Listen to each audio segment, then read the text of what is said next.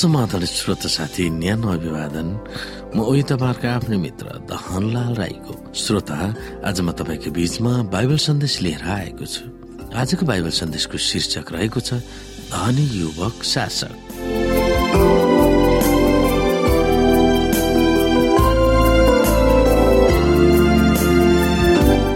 श्रोत साथी यस धनी युवा शासकको बारेमा हामीलाई धेरै थाहा छैन। न त उनको नाउँ नै थाहा छ हामीलाई।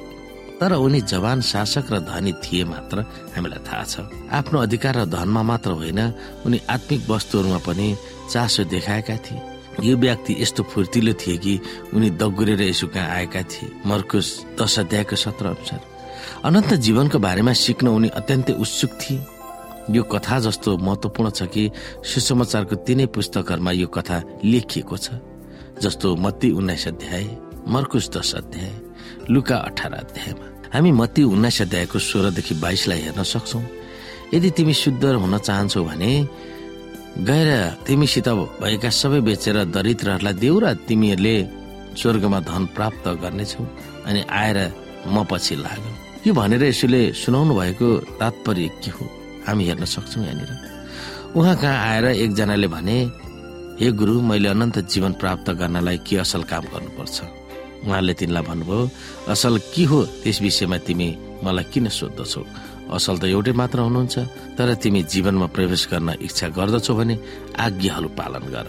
तिनले उहाँलाई भने कुन कुन चाहिँ आज्ञा? यसैले भन्नुभयो तिमीले हत्या नगर्नु तिमीले व्यवचार नगर्नु तिमीले चोरी नगर्नु तिमीले झुटो गवाई नदिनु आफ्ना आमा बाबुको आदर गर्नु र आफ्नो छिमेकीलाई आफूलाई जस्तै प्रेम गर्नु। ती जवान मानिसले उहाँलाई भने यी सब त मैले पालन गरेकै छु। अब ममा के कमी छ? यसुले तिमीलाई भन्नुभयो तिमी सिद्ध हुन चाहन्छौ भने गएर तिमीसित भएका सबै बेचेर दरिद्रहरूलाई देऊ र तिमीले स्वर्गमा धन प्राप्त गर्नेछौ। अनि आएर म पछि लाग जब ती जवान मानिसले यो कुरा सुने तिनी दुखित भएर गइहाले किनकि तिनको धेरै सधन सम्पत्ति थियो। प्रायः जसो हामी सबैलाई हामीसँग भएका सबै थोकहरू बेचेर गरिबहरूलाई पैसा देऊ र उहाँलाई पछ्याउ भन्नुहुन्न। तर पैसा नै यस मानिसको निम्ति भगवान भएको देखिन्छ। यस मानिसको निम्ति यसको जवाब कठोर देखिए तापनि उनलाई यो थाहा थियो कि उनले मुक्ति पाउन उहाँले जे भन्नुभएको थियो त्यो मात्रै उपाय थियो। त्यो मानिस धेरै दुखित भएर फर्के किनकि उनी धेरै धनी थिए भनेर बाइबलले बताउँदछ। उनको निम्ति पैसा नै सबै थोक थियो र पैसा नै उनको निम्ति पूजनीय थोक थियो। उन अनन्त जीवन उपलब्ध गराइएको थियो र आफ्नो भित्री घेरामा उनलाई बोल्न चाहनु भएको थियो। जब बाह्रजना चेलाहरूलाई बोलाउनु भयो उहाँले त्यही वाक्य मेरो पछि लाग भन्नुभएको थियो। त्यसपछि यस युवकको बारेमा हामीले फेरि कहिले पनि सुनेनौँ। आफ्नो सांसारिक सम्पत्तिको निम्ति उनले अनन्त जीवन त्यागेका थिए। यो कस्तो भयानक त्याग हो। आफ्नो वर्तमान मोजमजाको निम्ति पछि आउने स्वर्गीय सम्पत्ति त्याग्नु यो दुःखदायी उदाहरण पनि हो। यो मानिसले जे रोज्यो त्यो धोका थियो किनभने हामीमा जतिसुकै भौतिक साधन सुविधा र धन अहिले भए तापनि ढिलो र चाँडो हामी मर्दछौ र अनन्त जीवन कसरी बिताउने भन्ने निर्णय हामीले गर्नुपर्ने हुन्छ।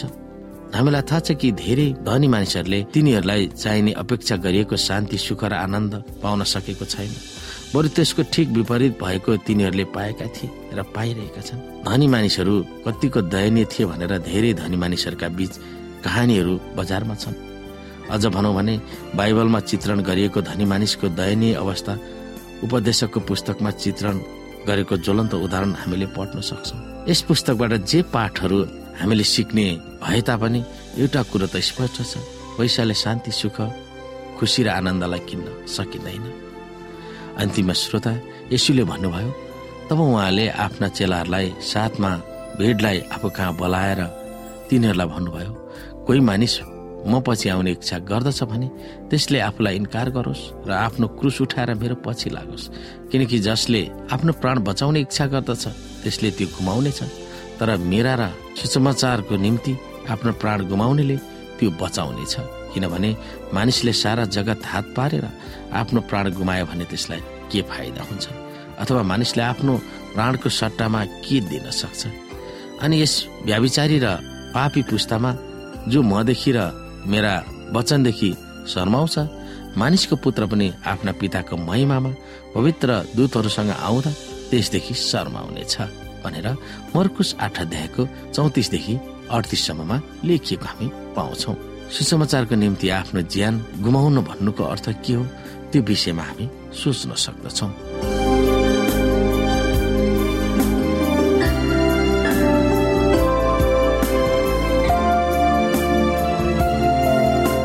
श्रोता साथी आजको लागि बाइबल सन्देश यति नै। हस्त नमस्ते जय मसिंह।